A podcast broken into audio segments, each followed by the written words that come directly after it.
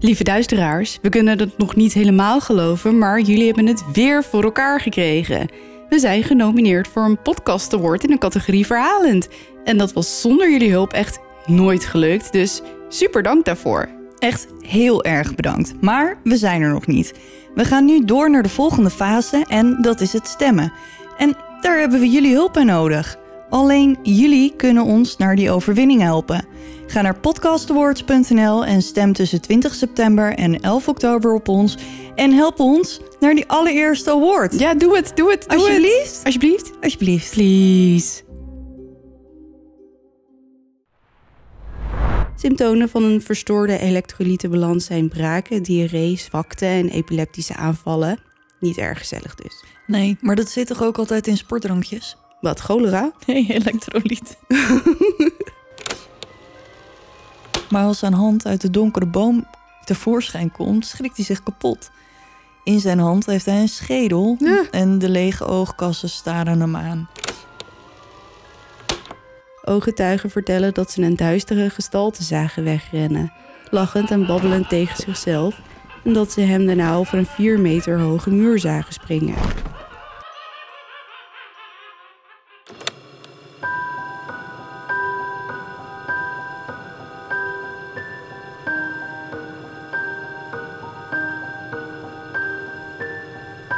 Dit is Duister. Een podcast waarin je wordt meegenomen naar het onbekende, het onbegrijpelijke. Zwarte bladzijden van de geschiedenis komen voorbij. Hier hoor je de verhalen achter moord, doodslag en onverklaarbare gebeurtenissen. We kruipen in de hoofden van een serie moordenaars, heksen, mythische wezens. Luister. En huiver naar duister. Welkom, lieve duisteraars, bij een nieuwe aflevering. Hallo. Hallo, Emily komt er gezellig even bij. Springt bijna op de baby hier, die ligt hier naast mij op de bank. Oh, ze gaat alweer. Hmm, Maar goed, welkom bij aflevering 31. Ja, man, We hebben de, de derde mijlpaal overleefd. Zeker. Hij is eh, in de smaak gevallen, hè? Ja, we hebben ook eh, daarna nog heel veel nieuwe duisteraarsverhalen binnengekregen. Ja. Dus zeker genoeg om een nieuwe aflevering mee te vullen ooit. Dus super bedankt voor iedereen die zijn verhaal met ons gedeeld heeft. Ja, ik vind het wel leuk. bijzonder dat, eh, ja, dat je gewoon waar gebeurde verhalen ineens toegezonden krijgt. Ik zit ineens allemaal dingen te lezen dat ik denk, oeh, eh, naar man, als je dit meemaakt. Ja. Ja, maar goed, we gaan natuurlijk verder helemaal niks verklappen. Nee, zeker niet. Want die bewaren we nog even. Ja, over een ander groot succes gesproken. Die webshop van jou, hè? Want het is een beetje jouw kindje. Dit is mijn baby. Jullie hebben al genoeg baby's, dus ik dacht, ik neem ook een baby. dat is dus de webshop. De webshop. Dat was een eh, grandioos succes, hè? Ja, was een heel groot succes. Ik had nooit verwacht dat we zoveel shirts zouden verkopen. Nee, ik ook niet. Ik dacht, nou, hmm, ik, eh, ik weet niet of dit eh, gaat lopen. Maar eh, het ging als een trein. Dus hartstikke dank daarvoor, iedereen. Ja. ik kom een beetje raar uit mijn woorden, maar... eh, Bedankt. ja, bedankt. Ja, en gewoon het idee dat mijn legertje duisteraars nu gewoon echt vorm begint te krijgen, ja. vind ik wel echt heel erg leuk. Dus nee, het was echt een overweldigend succes. En ik denk dat we het in de toekomst eh, zeker nog een keer gaan doen. En in welke Dat vorm? Wel. In welke vorm weet ik nog niet. Ehm, voor mij werkte deze manier best wel prettig. Maar dat betekent wel voor onze luisteraars dat jullie langer moeten wachten op jullie pakketje. Ze zijn overigens vorige week maandag op de bus gegaan. Dus als het goed is, zou iedereen ze nu ook gewoon binnen moeten hebben. Dat eh, lijkt me wel. Zo niet, laat het even weten, hè, natuurlijk. Ja, en mocht je hem nou wel binnen hebben, dan zouden we het heel leuk vinden als jullie ehm, foto's delen met ons van jullie shirt. Met jullie erin. Zeker. Ik heb echt een heel leuk idee voor volgend jaar kerst. Oh, we moeten de eerste kerst nog meemaken, maar Ja, maar dat gaan we niet meer redden. Maar volgend jaar, jongen, ja, maar helemaal los. daar gaan we deze zomer al mee beginnen. ja, precies. dus nee, dankjewel iedereen. En ik hoop dat iedereen gewoon heel erg blij is met zijn t-shirt. Dat hoop ik ook. Oh, en eh, nog even wat anders. Eh, heel veel mensen luisteren via Spotify. Maar er zijn natuurlijk ook wel een paar mensen die via Apple iPod. eh, Apple iPod? i- Apple iPod, ik ben net mijn moeder nu, of oma. hoe heet dat ding? Die Apple iPod, Apple Mac dinges, waar ik foto's kan kijken. Van Teddy. Instagram? Nee. Nee, nou goed. Maar ehm, iTunes dus. de vraag is of je een leuke review wil achterlaten. Ja. reviews die helpen ons in de stats. En dan eh, kruipen we lekker omhoog. En het is altijd fijn om te lezen of er eh, dingen beter kunnen. Of dat je het juist helemaal tof vindt wat we doen. Of eh, weet ik veel, dat we helemaal ruk zijn. Nee, doe dat maar niet. Nee, Verzin wat leuks. die mening mag je voor je houden hoor. Oh. Ja. Oh ja, en als je dan een, als je een iPhone hebt, kun je natuurlijk ook gewoon een review achterlaten. Ondanks dat je gewoon op Spotify luistert. Precies. Oké, volgende ding. Want we zitten lekker ramvol aan de voorkant. Ja, we hebben een eh, lange lijst. We hebben een, eh, een hele leuke winactie gehouden afgelopen weken. Ja, Dat was ook al zo'n succes. ik heb zoveel berichtjes gelezen van mensen die zeiden... ik vond het super moeilijk, maar ik vond het zo tof. Ja, het is heel origineel. Het is met dank aan het spook. Ja, Die zei een, een maand geleden ergens... ik heb wat, wacht even. Het is het aan het broeien in mijn hoofd. Maar het komt. En toen kwam de gooide die het over de hecht. Toen dacht ik, huh, gaat dit wel werken? Maar het werkte echt super. En ik vond het ook Ja. erg leuk. Volgens mij ehm, ja, viel het wel in de smaak op deze manier. ja.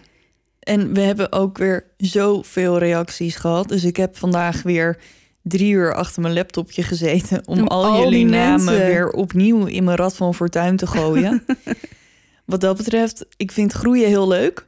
Maar als dat betekent dat er ook veel meer mensen aan de winacties mee gaan doen... dan eh, wordt mijn lijstje wel steeds langer. Kun je er niet in laten staan en dan gewoon toevoegen. Ja, maar ja... En dan maar hopen dat iedereen meedoet. dezelfde mensen meedoen, ja. Ja, precies. Maar goed, ik zal mijn ratje er even bij pakken, jongens. Want Ja, want spannende moment drumroll please. We gaan de winnaar bekendmaken. van de hele Macbeth trilogie...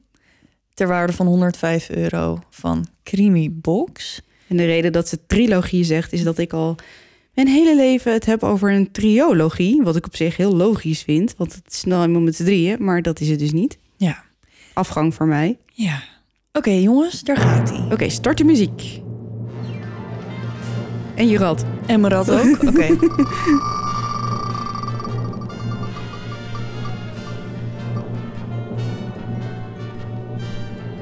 Oké, daar is de winnaar, jongens. Oh, heel spannend. Wie is het geworden? De winnaar is geworden Janine Breen. Oh, wauw. Ja, Gefeliciteerd. gefeliciteerd met je Creamy Box. Sun, Boxen. Boxen, het zijn er drie. Het zijn er drie. Ja, nou ja, ik weet wel wie er een leuke kerst krijgt Dat in ieder denk ik ook wel. Heel erg gefeliciteerd. Ehm, we, je krijgt een berichtje van ons. Ja, hij komt je kant op. En dan eh, gaan we zorgen dat hij naar je toe komt. En alsof het allemaal nog niet genoeg was. Nee man, Nee, we gaan nog even door. we gaan nog even door. We gaan echt bijna beginnen, jongens. Echt, maar dit is wel, dit is wel de moeite waard. Een hele korte update over een van mijn favoriete podcasts. Oh. Eh, Let's Not Meet. Ja. Ehm, hij heeft zijn baan opgezegd. En hij gaat nu fulltime podcasten. dus Jij, jij kan je lol op. ja, want de afleveringen zijn in één keer twee keer zo lang. Dus Hij heeft zijn baan opgezegd. ja, die verdient gewoon goed genoeg met podcasten nu om gewoon fulltime te gaan podcasten. Wauw, only in the Americas, hè? Ja, hier eh, niet hoor, jongens. Nee. Nee, er moet er nog een hele hoop gebeuren. Wil dat Heel veel ons- t-shirts verkocht worden. willen wij zover zijn. Maar anyway, dus ehm, Let's Not Meet, een van mijn favoriete podcasts. Maar over favoriete podcasts gesproken. ja. ehm, ik heb een nieuwe. Oh. Ja, een Nederlandse. Oh, verrassend. Ja, dat gebeurt bij mij niet heel vaak. Zeg maar bijna nooit. Ehm, en hij heet Staatsgeheim. Oh, daar heb ik wel eens van gehoord, ja. Ja, en ik dacht eerst, zou dat wat voor mij zijn? Maar ik was echt binnen no time gewoon Verslaafd. verslaafd. Ja, je weet dat ik niet zo naar podcast luister. Nee. Ondanks dat ik er zelf een maak. Ik vond het ook heel grappig. Iedereen deelde het aantal minuten van podcast dat hij heeft geluisterd. Je had er echt achterlijk veel. 49.718 minuten. Weet je hoeveel ik er had? Nou, vier. Nee, negen. Dat is toch stom. Nou, verschil moet er zijn, jongens. ja, en dan ook echt alleen maar 49.718 minuten aan True Crime podcast. Ja. Ehm, en nu staatsgeheim, want het is niet eh, True Crime, maar het is wel echt heel erg spannend. En voordat ik allemaal dingen ga verklappen die ik niet moet verklappen, ga ik even de bio voor jullie voorlezen. Ehm, van de podcast, want ik, anders dan praat ik weer mijn mond voorbij. En dan heb ik het Oh. alweer gespoilerd. Gespoilerd? Gespoild. Gespoild. Oké, komt-ie. Voor een sociaal podcast-experiment wordt student Max samen met een wildvreemde 21 dagen de wildernis ingestuurd. De werkelijke aanleiding voor het experiment blijkt echter anders dan gedacht. Dit is een podcast die nooit gemaakt had mogen worden. Oh, dat was het. Dat was het. Oh, ik zat er al helemaal in, joh. Ja, dat is toch spannend? Ja, zeker. Dus het is een beetje... Het is fictie, maar wel een soort van real life. Ja, eh, eigenlijk is het gewoon een soort van kijken naar een film zonder beeld. Nou, dat klinkt echt super spannend. Als je ons leuk vindt, dan vind je dit zeker weten leuk. Ja, dus ik zou zeggen, probeer het. Want ik weet zeker dat er een hele hoop mensen zijn die, eh, die dit net zo leuk vinden als dat ik dit vind. Staatsgeheim dus. Staatsgeheim. ja. Goed, ik ga beginnen vandaag. Ja. Er waren al wat mensen die hadden gehint. Of tenminste, ik had een hint gegeven over wat we deze aflevering zouden gaan doen. Ja. Maar niemand heeft het gedaan. Nee, maar het was ook heel gek, want iedereen begon, toen we het over een urban legend hadden, zei iedereen Jack the Ripper. En toen dacht ik, jongens, Maar de meesten kwamen er zelf ook wel achter dat dat het- dat geen urban le- legend is. Nee. Dus Ehm, niemand eh, had enig idee. Nou, ik ga het nog niet helemaal verklappen. Ik ga wel beginnen en dan hoor je het gaandeweg vanzelf.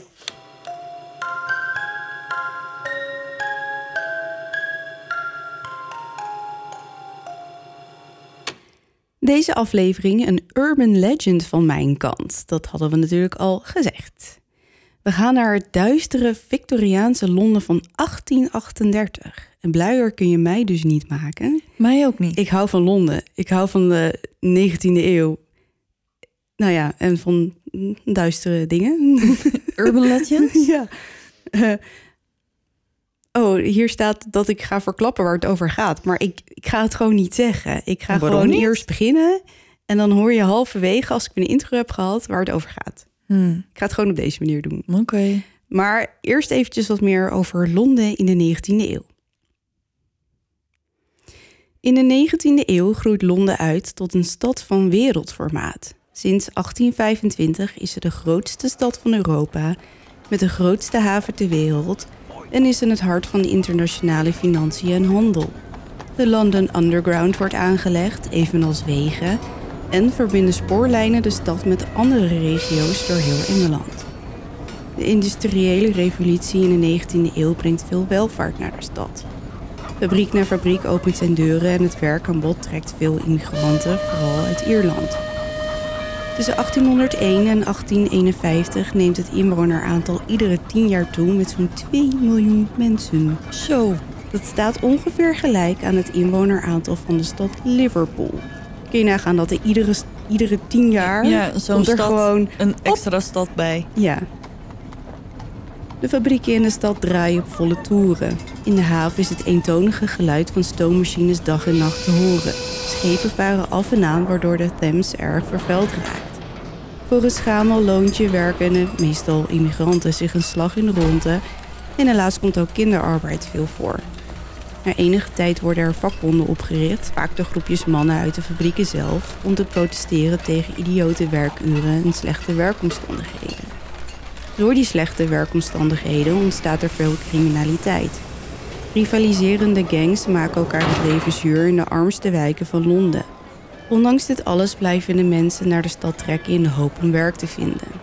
Door de enorme toename van de bevolking barst de stad bijna uit haar voegen. Profiterend van die industriële vooruitgang bewonen rijke Londenaren prachtige huizen in dure wijken, vaak op korte afstand van wanhopig arme stadgenoten. De welbekende boroughs, oftewel sloppenwijken, zijn een smet op het witte bord van Londen. Een enorm tekort aan arbeiderswoningen zorgt ervoor dat arme Londenaren op een kluitje worden gedwongen. Soms wonen er hele gezinnen in één enkele kamer. Te arm om rond te komen is het leven in Victoriaans Londen behoorlijk erbarmelijk. Er is nog geen centraal rioleringsstelsel en openlijke beerputten veroorzaken smerigheid en ziektes. Tussen 1826 en 1837 wordt de stad getroffen door een gigantische cholera-epidemie. Cholera is een infectie van de dunne darm veroorzaakt door de cholera-bacterie. De symptomen kunnen variëren van geen tot zeer ernstig. Het belangrijkste kenmerk van de ziekte is diarree die een paar dagen aanhoudt, evenals braken en spierkrampen.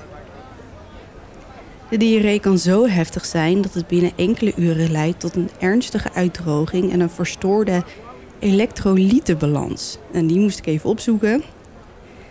Elektrolyten zijn bepaalde voedingsstoffen of chemicaliën in het lichaam die iemand binnenkrijgt via voeding. Deze hebben tal van belangrijke functies, zoals het regelen van de hartslag en de samentrekking van de spieren. De belangrijkste elektrolyten binnen het lichaam omvatten calcium, magnesium, kalium, natrium, chloride en fosfaat. Symptomen van een verstoorde elektrolytenbalans zijn braken, diarree, zwakte en epileptische aanvallen, maar ook verwardheid en rusteloosheid zijn een teken. Niet erg gezellig dus. Nee, maar dat zit toch ook altijd in sportdrankjes? Wat, cholera? Nee, elektrolyt. Dat lijkt me een heel slecht plan. Jezus, Kim ligt onder de tafel hier. De baby wordt ook wakker. Oké, ik ga door, ja? Nee, maar laat me nou even. Maar als je topsporter bent, dan verlies je dus vaak ook veel vocht. Sorry.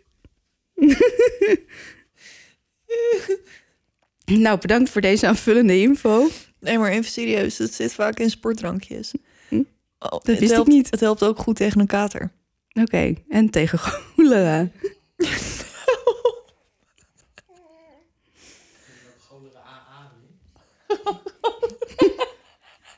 Jezus, het spook. Cholera AA en Aquarius. Eh, nou, heel goed. Het gaat, het gaat fantastisch hier. Oké. Nou, kennen we weer met z'n allen? Ik was zover, maar jij begon weer. Nee, helemaal niet. Nee. Nou, iedereen wakker. Baby wakker, kat wakker, vissen wakker. Goed, nou, Londen kon dus naast alle pracht en praal ook een behoorlijk naargeestige plek zijn. Niet zo gek dat er veel duistere legendes over de stad gaan. Zo ook die van vandaag. Spring Heel Jack. Ja. Ken je die? Ja. Ja? Ik- ja, maar ik heb natuurlijk wel weer... Dit is weer een gevalletje klok en klepel. Ik weet zeker dat ik het verhaal ken, maar niet, hoe het precies hoe het gaat. precies zit, nee, precies. Dat heb ik ook wel vaker. In de late zomer van 1837 beginnen er zich vreemde geruchten voor te doen in de stad. Het is de 19e eeuw en vooral de rijke society-klasse is erg bezig met het ontdekken van spiritualiteit. En nu zelfs de nieuwe koningin Victoria zich bezighoudt met het occulte, groeit de interesse, maar ook angst voor het onbekende onder de inwoners van Londen. De Londenaren mogen dan wel bezig zijn met het leven na de dood te ontrafelen, maar op het platteland wil men daar niets van weten. De mensen zijn godvrezend, werken hard en gaan trouw iedere zondag naar de kerk. Paniek slaat dan ook toe als er steeds vaker jonge dames worden belaagd vanuit bosjes door een soort duivel. Vanuit het niets springt hij tevoorschijn, lacht dan akelig en laat de jonge vrouwen zich kapot schrikken. Hij lijkt wel op een mens en hij doet ze verder niks, maar niemand weet wat die man slash duivel nou precies wil en de hele situatie lijkt uit de hand te lopen. De verhalen over deze duivel bereiken steeds meer de stad. Het is een koude oktoberavond in Londen 1837 als dienstmeisje Mary Stevens naar huis loopt naar een bezoek aan haar ouders in Battersea. Het is donker op straat en het maanlicht weerkaatst op de vochtige keien. Ze hoort alleen haar eigen voetstappen als ze stevig doorstapt. Het is kil buiten en ze duikt dieper weg in de kraag van de mantel die ze draagt. Ze passeert het Clapham Common Park op haar weg naar Lavender Hill. Het is verlaten en donker en Mary voelt zich onbehagelijk. Het is algemeen bekend dat Londen niet de meest veilige plek is voor een jonge vrouw alleen, vooral niet op een koude avond in oktober. Ze steekt de straat over en loopt langs een steegje. Plots hoort ze een wapperend geluid. Mary schrikt en haar pas vertraagt een ogenblik. Snel wil ze doorlopen, maar daar is het geluid weer.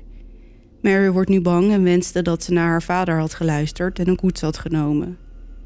Ineens schiet er vanuit het steegje een donkere schaduw op haar af. Het gaat zo snel dat Mary niet eens de kans heeft om ook maar een kick te geven. Iets grijpt haar vast en ze wordt het steegje ingesleurd. Ze voelt klauwen om haar nek die van metaal lijken en voelt een ijzige adem in haar gezicht. Dan begint de aanvaller haar te kussen en te betasten. Ze voelt hoe hij haar kleren van haar lijf scheurt en daarbij diepe krassen op haar lichaam achterlaat. Zijn aanraking voelt koud en klammig, als dat van een lijk. Mary slaagt erin om zich om te draaien en ziet in haar ooghoek een voorbijganger op straat. Ze schreeuwt om hulp en gelukkig kan ze de aandacht trekken van de man.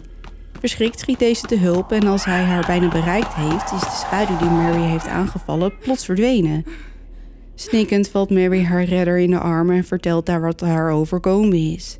Samen met een paar omstanders wordt er de hele nacht gezocht naar de aanvaller van het meisje, maar er wordt niemand gevonden. De volgende dag overkomt een ander jong meisje iets soortgelijks. Een week later weer een ander meisje, dit keer vlakbij het huis van Mary Stevens. Ook dit meisje schreeuwt voor haar leven en gealarmeerde omstanders schieten te hulp, maar de aanvaller is te snel en schiet de straat op, vlak voor een postkoets langs.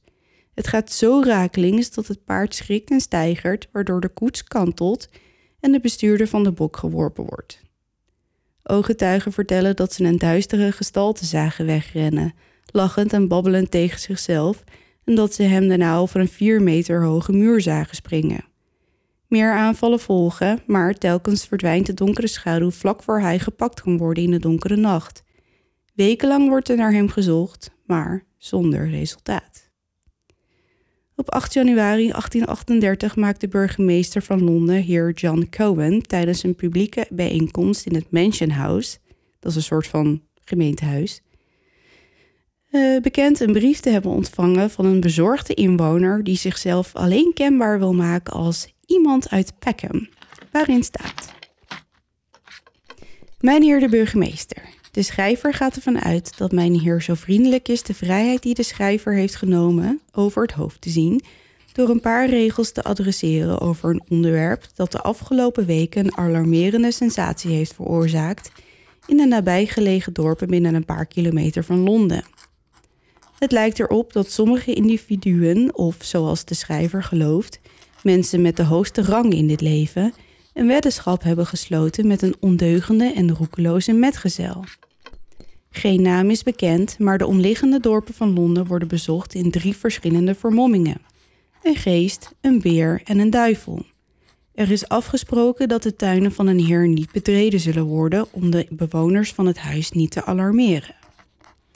De weddenschap is echter geaccepteerd en de onmenselijke schurk is erin geslaagd zeven dames zich dood te laten schikken.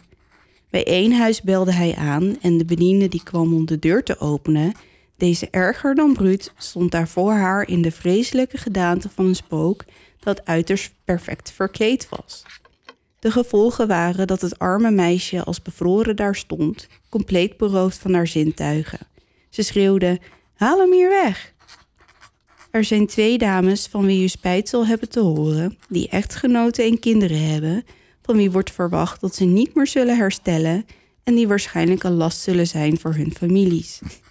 Uit angst dat u, u zich zou kunnen voorstellen dat de schrijver overdrijft, zal hij afzien van het noemen van andere gevallen. Als er iets melancholischer is dan wat hij al heeft gezegd, is dat deze affaire al een tijd gaande is en het vreemd genoeg is om te zeggen dat de kranten nog steeds zwijgen over dit onderwerp.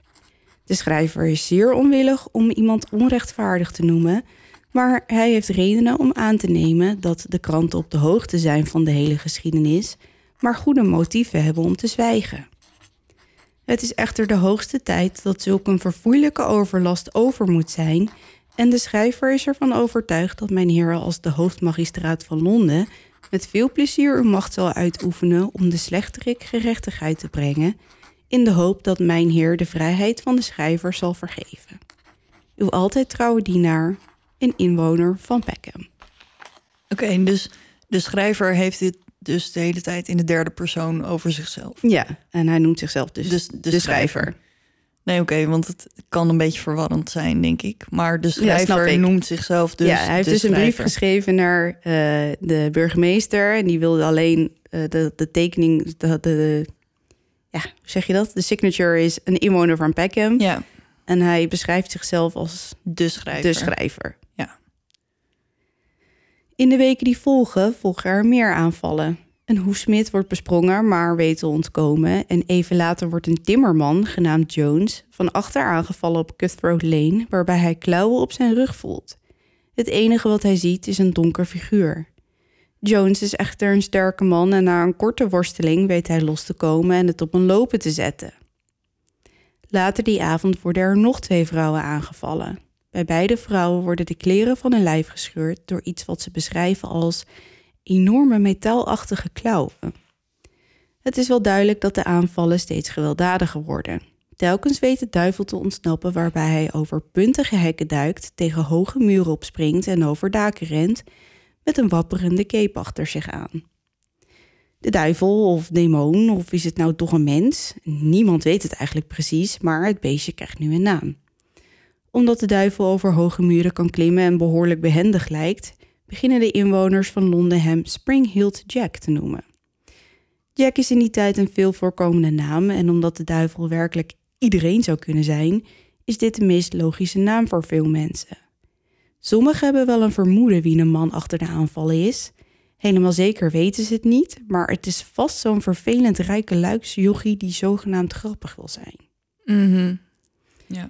De burgemeester doet de hele kwestie ondertussen af als niet zo ernstig en laat publiekelijk weten dat hij denkt dat de schrijver van de eerder ontvangen brief een vrouw is, die misschien zelf het slachtoffer geworden is van Spring Hill Jack. Dit baseert hij op het sierlijke handschrift van de schrijver en omdat hij verder werkelijk geen enkele andere reden kan bedenken. Tuurlijk. Ja, laten we de vrouwen en hun hysteria um, maar weer de schuld geven. Ja. Ja. Toch hoopt hij dat de schrijver contact met hem zal opnemen om de kwestie verder te bespreken.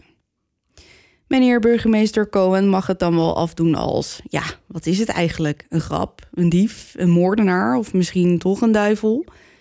De kranten pikken het verhaal in ieder geval wel op en nemen het serieus. Eind januari worden er meerdere brieven van inwoners uit Londen gepubliceerd.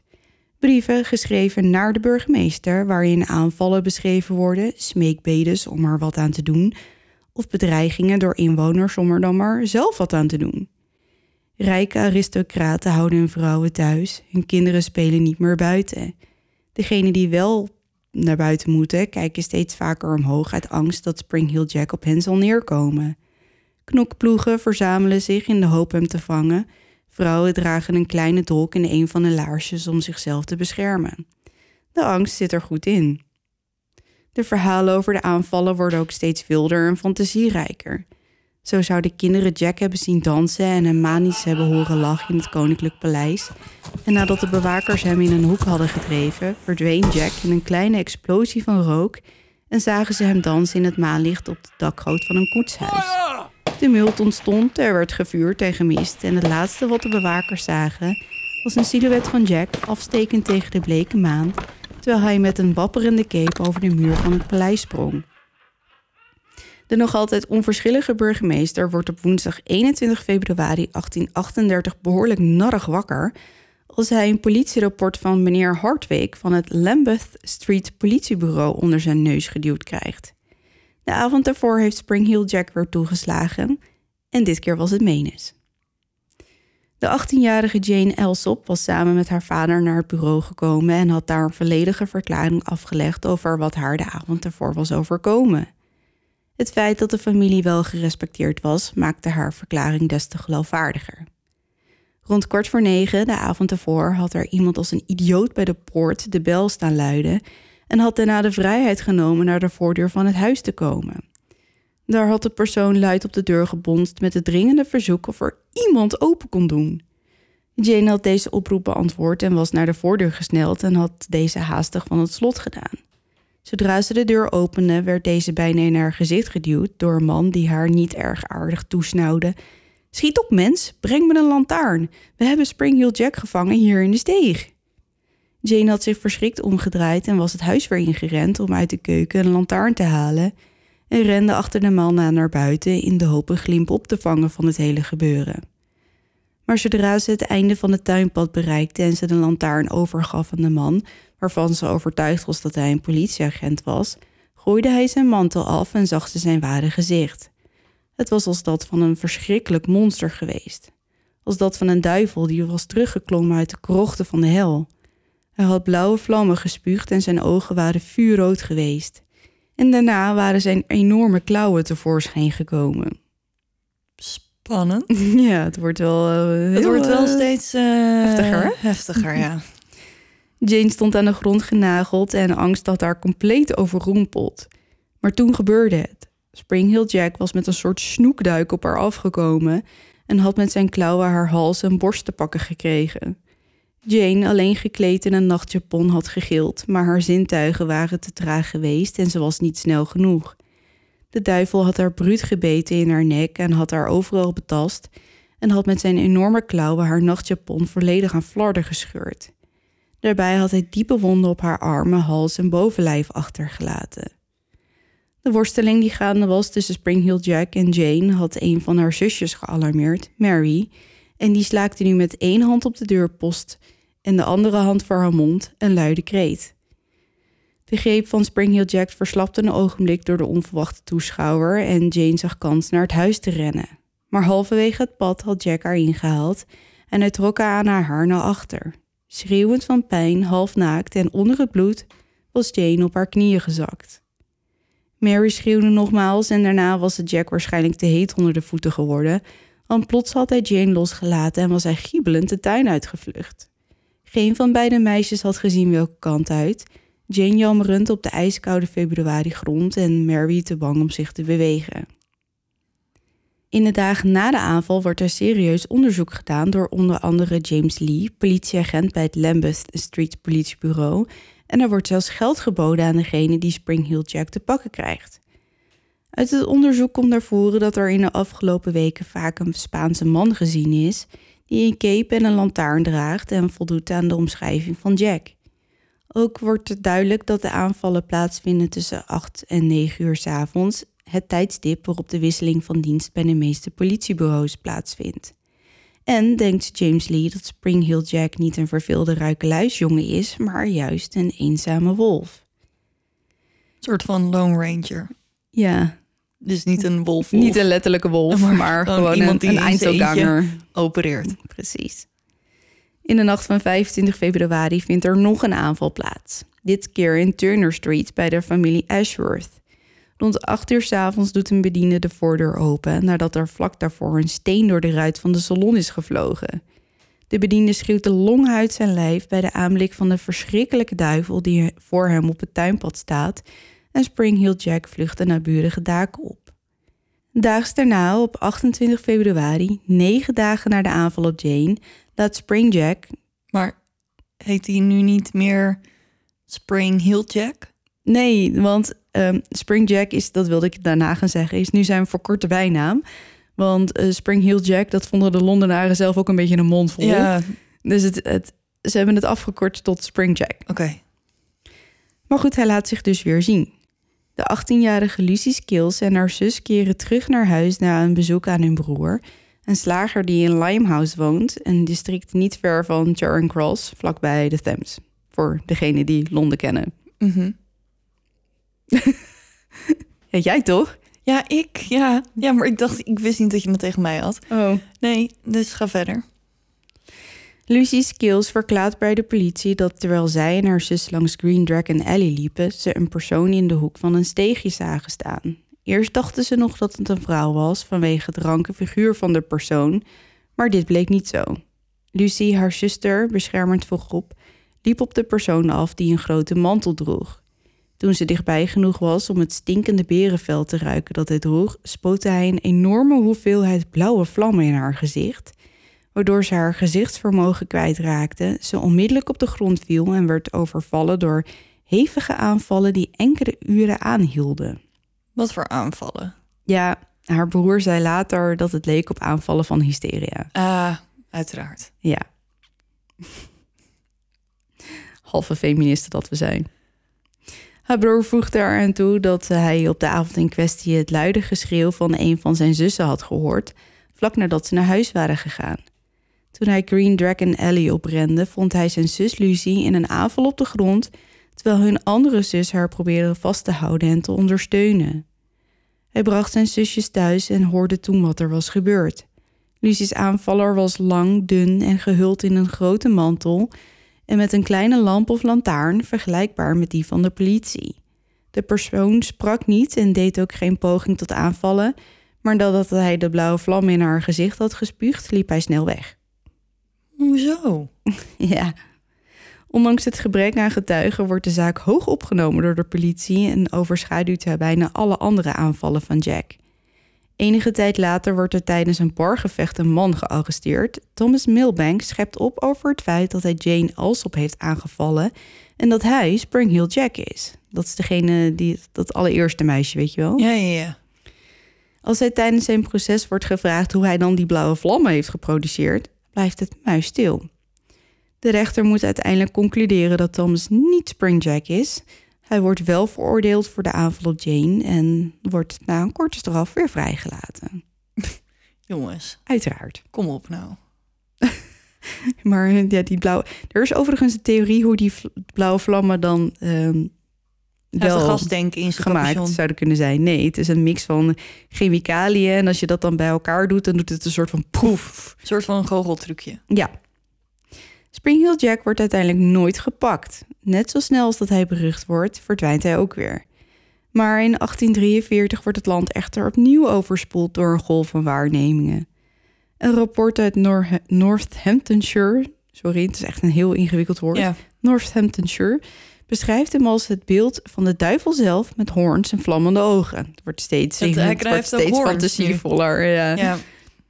In juli 1847 leidt een Spring Hill Jack onderzoek in Teignmouth, Devon, ertoe dat ene kapitein Finch veroordeeld wordt voor mishandeling tegen vrouwen, waarbij hij zou zijn vermomd in een huidvacht die het uiterlijk had van een duivel, met hoorns en een masker. Maar uiteindelijk leidt ook dit onderzoek niet naar de vangst van de echte Spring Hill Jack. Een tijdje lang terroriseert Jack ook nog de soldaten bij de koninklijke barakken vlakbij Buckingham Palace. Maar de soldaten laten zich niet gek maken en na enkele weken laat Jack zich niet meer zien. En in 1904 wordt hij nog een laatste keer gezien, maar men ging ervan uit dat dat een copycat was. en na enige tijd werd het onderzoek gestaakt. En daarna werd Spring Hill Jack Nooit meer gezien. nooit meer gezien. Hmm. Dus we weten ook niet wie het was. Curieus. Waarom die dit deed. Wat waarom die ermee stopte. Wat ik me al de hele tijd zit af te vragen, die klauwen, hè? Mhm. Duivels hebben toch altijd drie krassen? Had hij ook drie vingers? Eh, nou, weet je, ehm, er zijn natuurlijk best wel wat plaatjes te vinden. Mhm. en, eh, helemaal van pamfletten uit die tijd. Maar hij doet me een beetje denken aan... ehm, oh, Mommy Brain. Eh, die gast van Sleepy Hollow. Die kapper die dan mensen vermoordt. Edward Scissorhands? Ja, ja. Heel goed, Kim. Dank je. Die. Die had toch ook van die enorme klauwen? Klauwen met scharen. Ja, daar moet ik de hele tijd een beetje aan denken. Oké. Maar ik ga natuurlijk een plaatje posten en dan kun je wel een beetje zien eh, hoe die eruit zag. Soort van, soort van. Tenminste, denken ze. ja. de meeste mensen omschrijven een donker figuur met metaalachtige klauwen en een cape. Maar ja, Ja, die blauwe vlammen spuugt. ja. Maar dat was dus waarschijnlijk trucage. Of we moeten het hier over een echte duivel hebben. Maar dat gevoel heb ik niet. Ik denk dat het wel echt een man was die gewoon het heel grappig vond. Om, Dat denk ik ook, ja. om mensen echt eh, de schrik van hun leven te bezorgen. Ja, een soort van nar.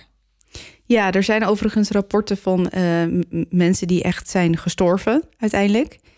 Eh, die vond ik lastig te vinden. De meest bekende eh, rapporten zijn die van Jane en die van Mary. Ja. En hier en daar wat losse plukjes. Maar ehm, ja, het was toch wel echt een moordenaar ook.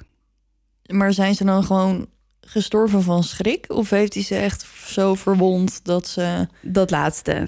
Ja, Uiteindelijk dan sterven ze toch aan hun verwondingen. ja. eng man. Het, Het spook vraagt waarom we denken dat het een man is. Nou, over het algemeen, ehm, en dan wil ik niet eh, alle vrouwen in één hoekje parkeren, maar mannen zijn sterker. Ook in eh, wat ze aankunnen in eh, gewicht en ja, hoe zeg je dat? Als je iemand, ehm, Kan overmeesteren. Ja, of, of tegen een hoge muur wil opklimmen. Dat is ook best wel wat kracht voor Ja, nodig. ik zat dus al de hele tijd te denken. Dat is eigenlijk vet cool, want hij deed gewoon een soort van aan die eerste parcours. Ja. Ja, ja, maar dat is ook letterlijk wat je voor je moet zien als je denkt aan Spring Hill Jack. ja gewoon zo'n gast die nu doet iedereen dat op TikTok Ja. en YouTube en zo, maar hij deed dat gewoon. Zeg Sorry maar, jongens, jullie 19e eeuw. waren niet de eerste. Nee, Het was Spring Hill Jack. ja, die over gebouwen en hekken van vier meter hoog en zo Mhm. sprong. Ja. Ja, ik zeg, maak er een film van. ja, bestaat die nog niet? Nee, niet dat ik weet. Hmm. Maar het is al heel lang een van mijn favoriete urban legends. Dus ik ben blij dat ik hem nu met jullie heb kunnen delen. Ik hoop dat hij in de smaak viel. Zal ik dan maar beginnen? Bijna? Nee, je gaat nog helemaal niet beginnen, want we willen nog iets met onze duisteraars delen. Delen. Ja, je hebt Want- helemaal gelijk. Sinterklaas is het land uit, Ja, en De kerstman. voor de deur. komt het land in inderdaad. Ja, En als je nou super teleurgesteld bent dat je niet de Macbeth-trilogie hebt gewonnen, dan kun je nog altijd onze, onze code gebruiken. Precies. Voor 20% korting. Want het was niet de eerste keer dat je dit hoort, maar eh, we gooien hem er toch maar even in. Ehm Creamybox heeft namelijk verschillende dossiers en spannende boxen waarmee je echt een detective waant. Ondertussen wordt onze baby een beetje Ja, wakker. Teddy die... eh, Maar goed, bekijk de politiefoto's, test het bewijs, ga op zoek naar aanwijzingen, ondervraag de verdachte en denk out of the box om de moordenaar in zijn kraag te vatten. Je krijgt je eigen virtuele assistent die je helpt de zaak tot een goed einde te brengen. Ja, en zoals we net al zeiden... mogen wij nu 20% korting geven met de code DUISTER... op alle dossiers en boxen van Creamybox. En nou ja, we hebben het natuurlijk ondertussen al vaak genoeg gezegd... maar geloof ons, die zijn echt heel leuk... als je een vette avond met vrienden wil hebben... of met kerst in dit geval... of om als cadeau te geven... of om als cadeau te vragen... Want als je nou denkt, ik zou hem heel graag willen hebben, dan zeg je gewoon op je lijstje Creamy Box met code duister. Want dat scheelt weer 20%. Ja, Dus ga snel naar creamybox.com en kies jouw box of dossier uit en gebruik onze code duister voor 20% korting. ja, en dan hopelijk dat eh, we de coronamaatregelen het toelaten om toch nog een beetje bij elkaar te komen aankomende kerst. Ja, dat zou wel heel prettig zijn. Dat zou heel prettig zijn. En dan heb jij in ieder geval een superleuke avond met je vrienden. Zeker weten. Of familie inderdaad. Zal ik dan nu beginnen? Jij gaat nu beginnen. Oké.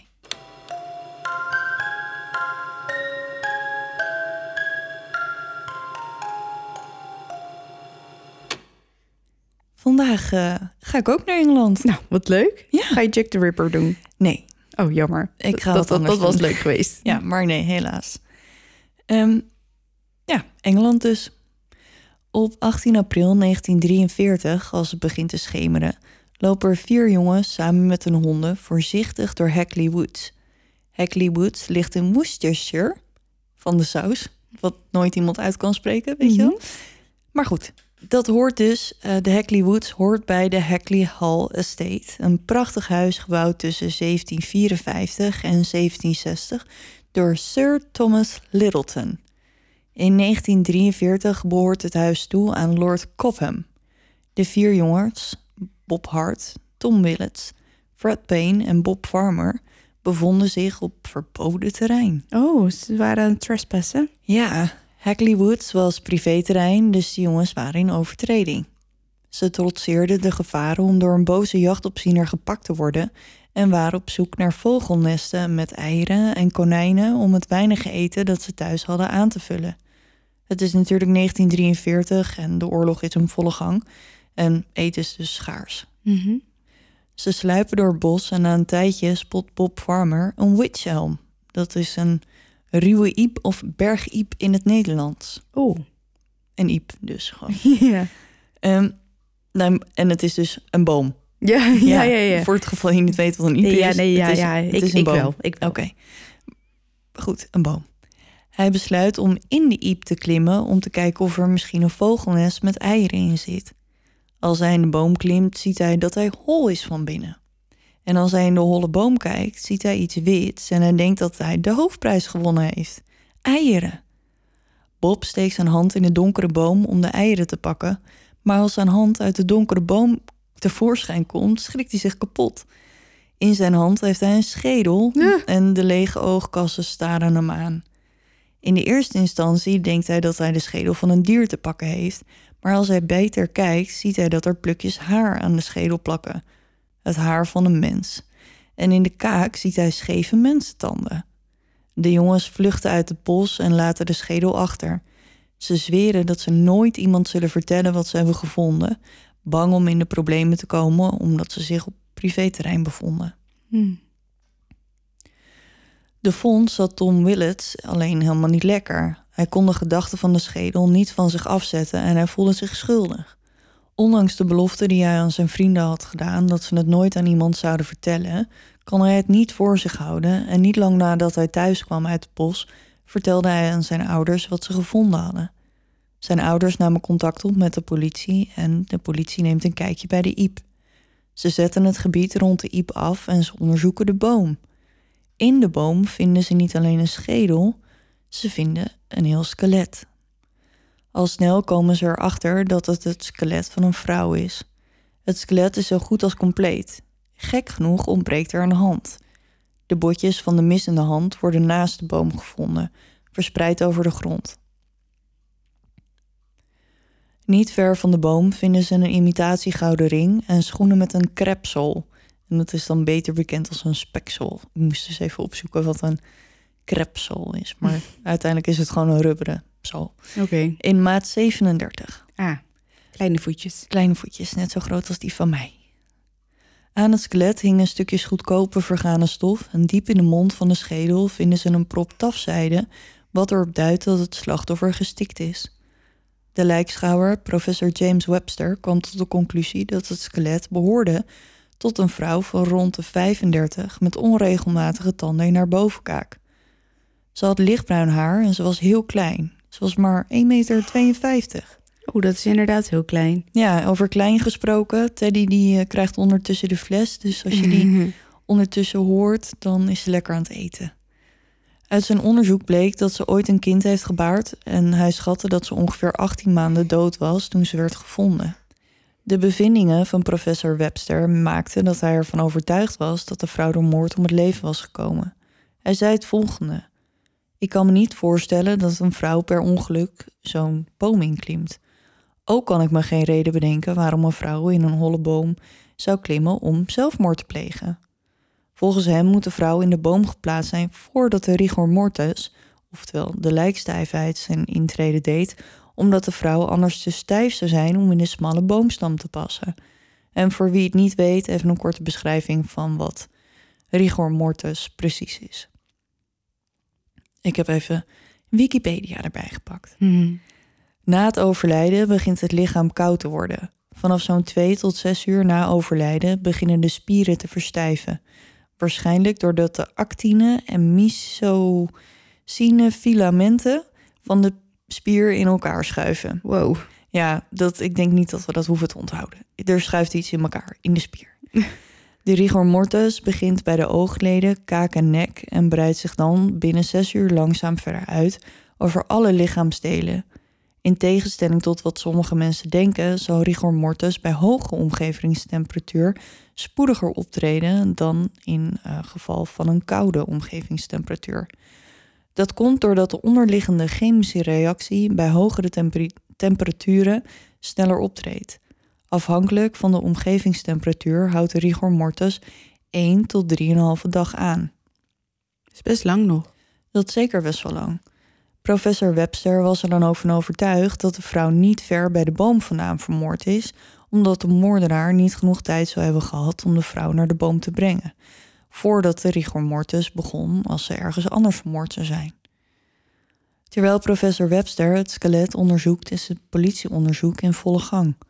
Als eerste beginnen ze bij alle tandartsen in de omgeving, in de hoop dat er een tandarts is die het opvallende gebit van de vrouw herkent.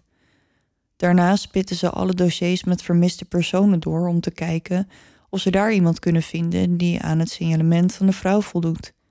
Ze zitten midden in een oorlog natuurlijk, dus de lijst met vermiste personen is lang, Hm. maar ook daar kunnen ze haar niet vinden. Als deze sporen doodlopen, richten ze hun aandacht op de spullen die bij de boom gevonden zijn. De schoenen met de spekzolen bleken gemaakt te zijn door de Waterfoot Company in Lancashire. En de politie wist alle zes eigenaren te traceren Oh, van de schoenen die in de buurt verkocht waren. De schoenen werden verkocht bij een marktstalletje in Dudley, een plaats op ongeveer 18 kilometer van Birmingham. Dus die schoenen die zijn ook een doodlopend spoor, want iedereen die in de omgeving daar doodlopend. doodlopend. Schoenen, vind ik grappig. Oh, maar goed, dus iedereen die schoenen heeft gekocht van dat merk, die zijn gevonden. Oké. Hoe langer het onderzoek duurt en hoe meer aanwijzingen op niets uitdraaien, hoe kouder de zaak wordt. En zoals ik net al zei, de oorlog is in volle gang, dus al snel werden de politie en de mensen in de omgeving afgeleid door andere belangrijke zaken. En ja, deze zaak verdwijnt gewoon een beetje op de achtergrond. Tot er zes maanden na de vondst van het skelet mysterieuze graffiti begint op te duiken in de omgeving. Met kerst 1943 verschijnt het eerste bericht, geschreven met krijt op de muur van een huis. Who put Lubella down the witch helm? Hmm. Dus wie stopte Lubella in de iep? In de iep, ja. In de iep. Dit was de eerste keer dat er een naam werd verbonden aan een vrouw in de iep. In de maanden die volgden dook er meer van dit soort berichten op, elke keer geschreven in hetzelfde handschrift. Geleidelijk verandert het bericht van Who put Lubella down the witch helm naar Who put Bella in the witch helm. Dus Lubella is nu Bella geworden. En deze naam bleef plakken en de zaak die staat eigenlijk nu nog steeds zo bekend als Who put Bella in the witch helm. Volgens de politie wezen de berichten erop dat de schrijver wist wie Bella vermoord had. De politie deed er alles aan om de schrijver te vinden, maar helaas. Aan het einde van de jaren 40 doken er weer nieuwe berichten op, elke keer met dezelfde vraag: wie stopte Bella in de iep? De combinatie van de mysterieuze berichten en het feit dat het skelet nog steeds niet geïdentificeerd was, zorgde voor heel wat wilde theorieën. Ben je er klaar voor? Nou, kom erop. Twee jaar nadat het lichaam van Bella ontdekt werd, kwam Margaret Murray, een antropoloog en archeoloog van de University College in Londen, met een vrij bizarre theorie naar buiten. Volgens Margaret was Bella het slachtoffer geworden van een ritueel dat werd gebruikt bij zwarte magie, waarbij haar hand werd afgehakt om deze te gebruiken als Hand of Glory. De Hand of Glory is een afgehakte hand die door inbrekers gebruikt werd als kaars. In het ene artikel werd gezegd dat ze de hele hand meenamen. In andere artikelen stond dat ze het van het vet van de hand een kaars maakten. En van het haar van het slachtoffer een lont. Um, dus ik weet niet helemaal precies hoe het zit. In ieder geval werd de hand dus gebruikt Oké. voor deze doeleinden. En maar um, um, bij een inbraak. Ja, want ze namen de brandende hand of kaars mee in de huizen waar ze inbraken om de bewoners in slaap te laten vallen. Dat is zeg maar de superkracht van de kaars.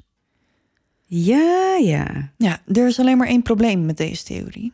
Uh, de Hand of Glory werd normaal gesproken van het lichaam van een misdadiger die net aan de galg was opgehangen gesneden. En nou ja, dat uh, Bella werd gevonden in een boom en niet aan een galg.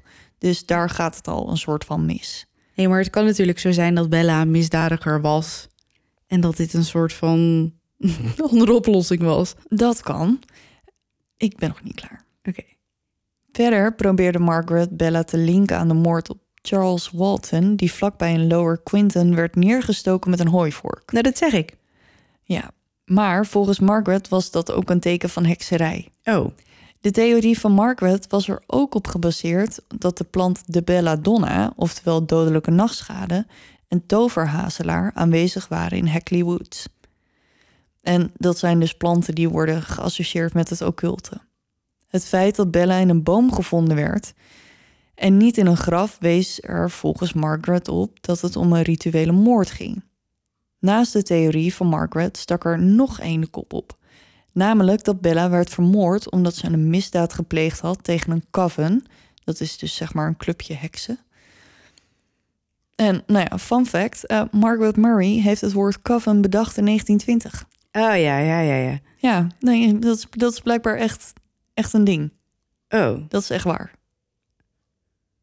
Wat ik ervan begreep.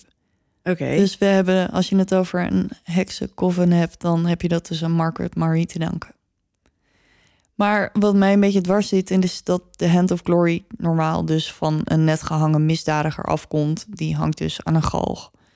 En niet van dode mensen die gevonden worden in uh, bomen. In een boom. Dat brengt ons op de tweede theorie. Maar wacht even. Als Margaret blijkbaar al heel erg bezig was met heksen en het woord coven heeft bedacht. Ja, ze heeft ook verschillende boeken geschreven over uh, heksen en zo. Ja, maar dan is deze theorie van haar natuurlijk wel een beetje voortgekomen uit haar eigen interesse ja, voor... past ook wel erg in haar straatje. Precies. Natuurlijk. Ja, maar het lijkt me wel een interessante vrouw, want ze heeft echt best wel veel boeken en zo over dit ding geschreven. Oké. Leeft ze nog? Uh, nee. nee. Dat is Nee. wel heel oud zijn. Ja, Het nee. kan, het kan. Mijn oma is... eh, Maar als ze in 1920 al dit woord bedacht heeft, dan zou ze nu dus 100 zijn. En als je 1920, dan ben je over de 100. ja, het kan, maar het is onwaarschijnlijk. Ja, ik denk het niet. Tenzij het echt een heks is en dat ze, dat ze gewoon een soort van Dat zou een toverdrankje... rare twist zijn. Goed, door naar theorie nummer twee. Tijdens de Tweede Wereldoorlog werden er verschillende Duitse spionnen gevangen genomen in Engeland. In 1953 kwam men met een nieuwe theorie: spionage. Oeh. De Wolverhampton Express and Star, dat is een krant, kreeg een brief van iemand die zichzelf Anna of Cleverly noemde. Dus dat is een beetje als dezelfde als de schrijver, van je brief. Een inwoner van Peckham. Ja, nou ja, dit is dus eh, Anna uit Cleverly. Anna claimde informatie te hebben over de identiteit van Bella en journalist Wilfred Byford Jones, vind ik echt een hele coole naam, interviewde haar voor de krant. Volgens Anna was Bella onderdeel van een groep spionnen die informatie verzamelde over de locatie van munitiefabrieken in de omgeving. Met deze informatie zouden ze dan de Duitsers helpen, zodat de Luftwaffe de fabrieken kon bombarderen. Want dan hebben de Engelsen natuurlijk minder munitie. Zeker. Oeh, ik ben een beetje schor, sorry jongens. Anna werd later geïdentificeerd als Yuna Massep. En Yuna was getrouwd met een RAF-piloot Jack Massep. En volgens haar was hij aanwezig bij de dood van Bella. Jack zou haar verteld hebben dat hij betrokken was geraakt bij een groep spionnen samen met een Nederlander. Oh, De Nederlander heet Van Ralt. Leek mij niet een hele, hele typische Nederlandse naam. nou dat maar is alleen zijn achternaam, toch? Ja. Hij heeft geen voornaam. Oh, Die weet ik niet. Die kon ik nergens vinden. Oh, iedereen noemt hem gewoon Van Ralt. oké. Op een avond werd Jack met een auto opgepikt door Van Ralt. En Van Ralt was niet alleen. Hij had een vrouw bij zich die volgens Jack Bella was. Niet veel later wurgde Van Ralt de vrouw, volgens hem omdat ze banden had met spionnen. Er doet nog een versie van deze theorie de ronde en dat is de volgende. Jack en Van Ralt zouden in een pub wat gedronken hebben met Bella. Bella werd alleen zo dronken dat ze knock-out ging. En de twee mannen zouden haar in de boom gestopt hebben om haar een lesje te leren. Toen ze wakker werd, was ze niet in staat om uit de boom te klimmen, wat resulteerde in een langzame, eenzame dood. Leuke theorie, maar dat verklaart nog steeds niet waarom ze werd gevonden met een lap tafzijde in haar mond. Of dat haar hand eraf lag. Ook dat. En het is ook niet helemaal duidelijk welke versie er nou aan de krant is verteld. Ehm, want ja, het is al zo lang geleden en de oorlog en zo. Dus er zijn natuurlijk ook veel dingen verloren gegaan. Dat we niet Mhm. precies weten welke versie. Ehm, maar het kan dus een van de twee geweest zijn. We weten wel dat Jack in het St. George ziekenhuis overleed voordat het lichaam van Bella gevonden werd.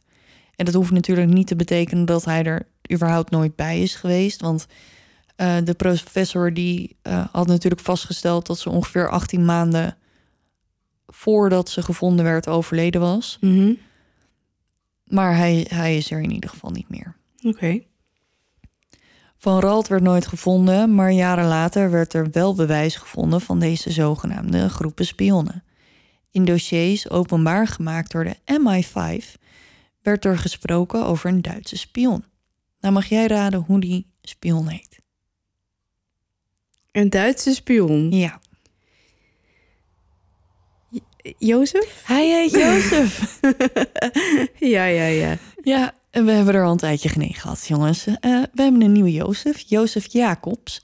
Die gevangen werd genomen nadat hij met een parachute uit een vliegtuig sprong en zijn enkel brak tijdens een landing in Cambridgeshire. Waarom is dat grappig? Ja, Uit een vliegtuig sprong in zijn enkelbak. Ja, dat is knap lullig. Ja, nou, hij had niet zo'n zachte landing blijkbaar. Nee. En toen werd hij ook nog gearresteerd. Dat is Oh. toch lullig? Na de arrestatie van Jozef werd er een gekreukelde foto in zijn zak gevonden. Op de foto stond de Duitse zangeres Clara Bauerle. Jozef vertelde de agenten dat Clara zijn geliefde was en dat ze door het Derde Rijk was gerecruiteerd als spion. Volgens Jozef was Clara in 1941 met een parachute in de West Midlands geland en daarna verdwenen. Zou Clara dan misschien Bella zijn? Jozef werd in 1941 geëxecuteerd door een executiepeloton, dus van hem hoefden ze geen nieuwe informatie meer te verwachten. Maar goed, ook deze theorie bleek nergens toe te leiden. We weten namelijk dat Clara Bella niet kan zijn, want Clara was namelijk lang, ongeveer 1,78 meter. En Bella was maar 1,52. Nou, dat scheelt natuurlijk nog een beetje. Kijk, als er nou 2 centimeter af zit, dat kan nog. Maar 20 centimeter, meer dan 20 centimeter? Ja, dat is wel veel, ja. Dat is wel veel. En alsof dat nog niet genoeg bewijs is, in 2016 kwamen ze erachter dat Clara in een Berlijns ziekenhuis overleed in december 1942. Nee, dan is het zeker niet. Nee. Dan komen we bij de laatste theorie. In 2014 zond Radio BBC 4 een programma uit waarin er werd gesuggereerd dat Bella een sekswerker was die op de straten in de buurt van Hackley Hall werkte. Volgens politiedossiers zou Bella in 1941 verdwenen zijn. En dat zou qua tijdlijn dus dan wel kunnen kloppen.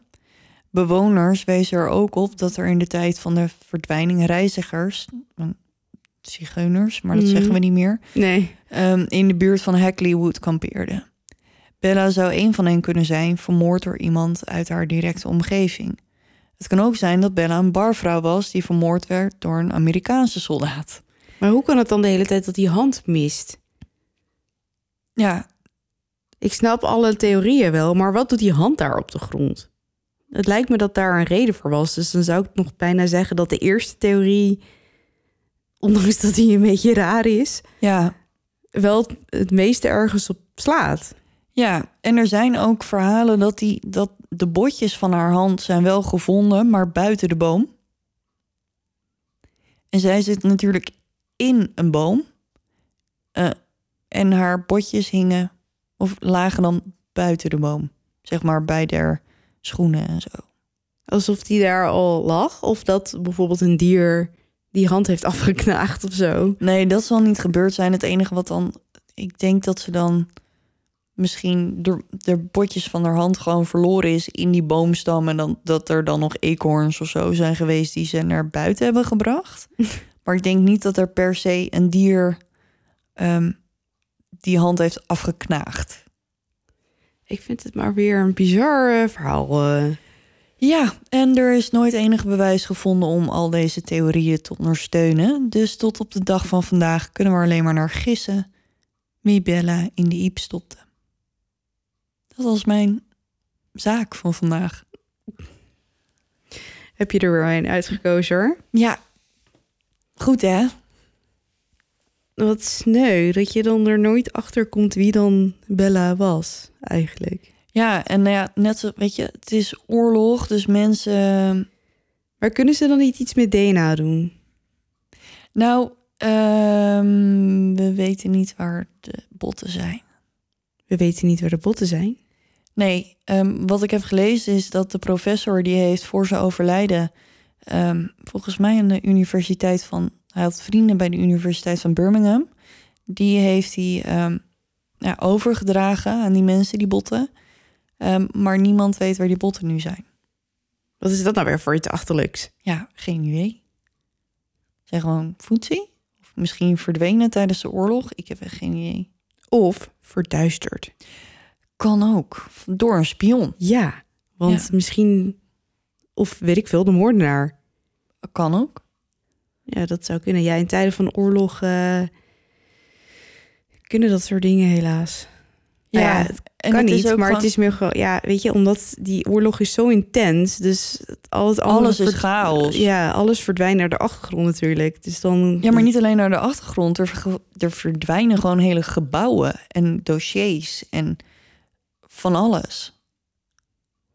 Ja, wij kunnen ons niet voorstellen hoe dat moet zijn, denk ik. Nee, Nou, denk ik, dat weet ik wel zeker.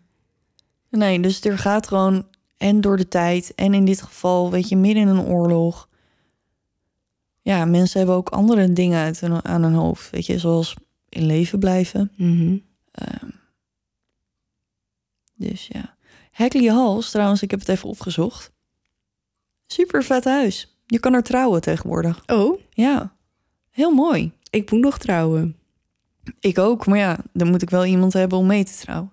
Nou, eh, doe een oproepje, zou ik zeggen. Is er nog een leuke vrijgezelle duisteraar die met Kim wil trouwen in Hek... Hek hoe heet het? Hackney Hall? Hackley. Oh, Hackley. Ja, Hack, Hackney is wat anders.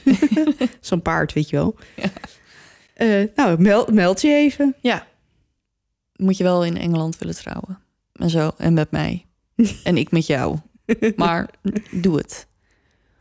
Ja, maar je kan er dus trouwen en het is gewoon open. Het is nog steeds in de familie ehm, Littleton. eh, van de eerste, eerste die het gebouwd heeft. En de boom, staat die nog? Weet ik niet. Er is dus een website van Hackley Hall Estate. Maar die, die rappen met geen woord over eh nee, dat zal wel niet. Nee, Spookt het er ook?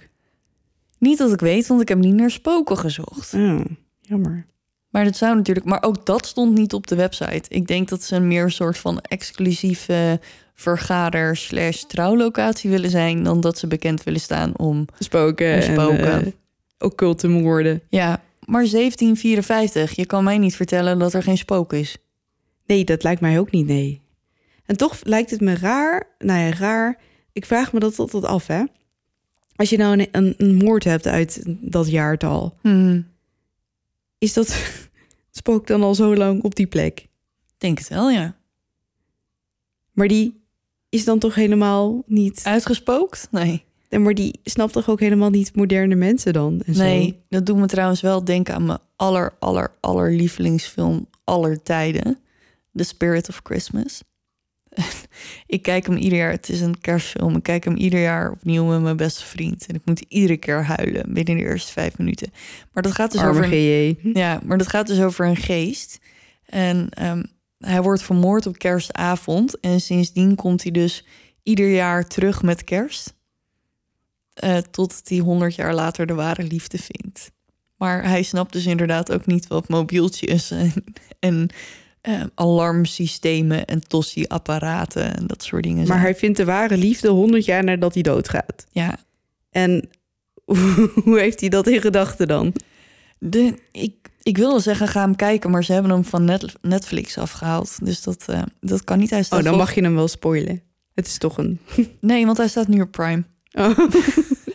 Oké. Dus daar moet ik voor deze kerst nog eventjes een eh, abonnementje op afsluiten, zodat ik hem toch kan kijken. Nou, ik had dus een lievelingsfilm. De, de eh, Christmas Chronicles.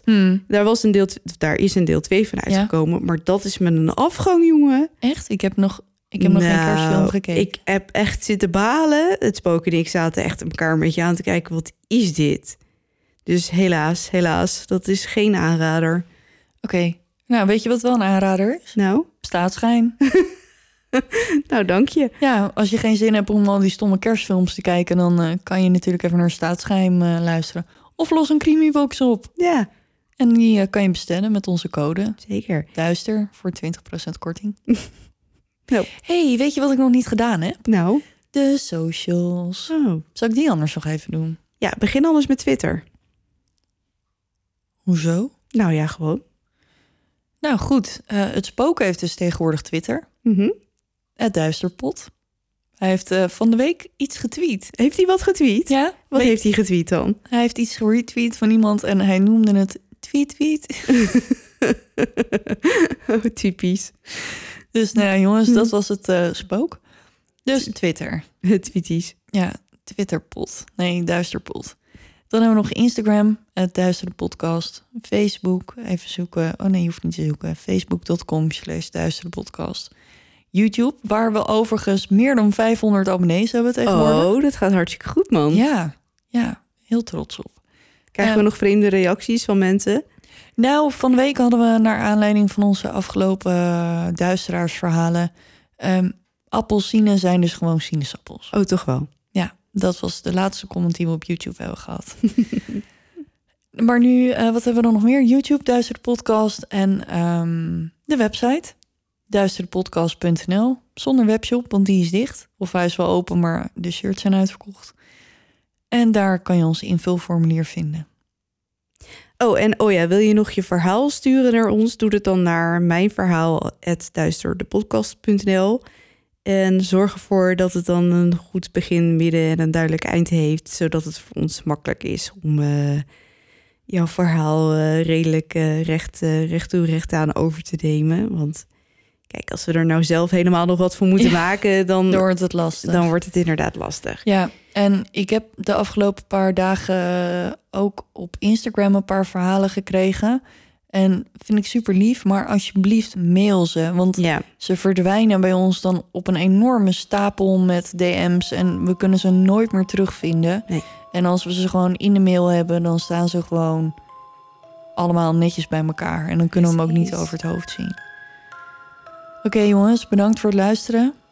Het was weer eh, leuk om hier te zijn. een waar genoegen. Ja, zeker. En eh, over twee weken zijn we er weer, vlak voor de kerst. Yes. Ik zeg kerstspecial of... Hmm, nou, dat is misschien wel een ideetje. ja, zou zomaar kunnen. Nou, in ieder geval bedankt voor het luisteren. Tot de volgende keer. En onthoud, blijf in het licht, want je weet nooit wat er in het duister op je wacht.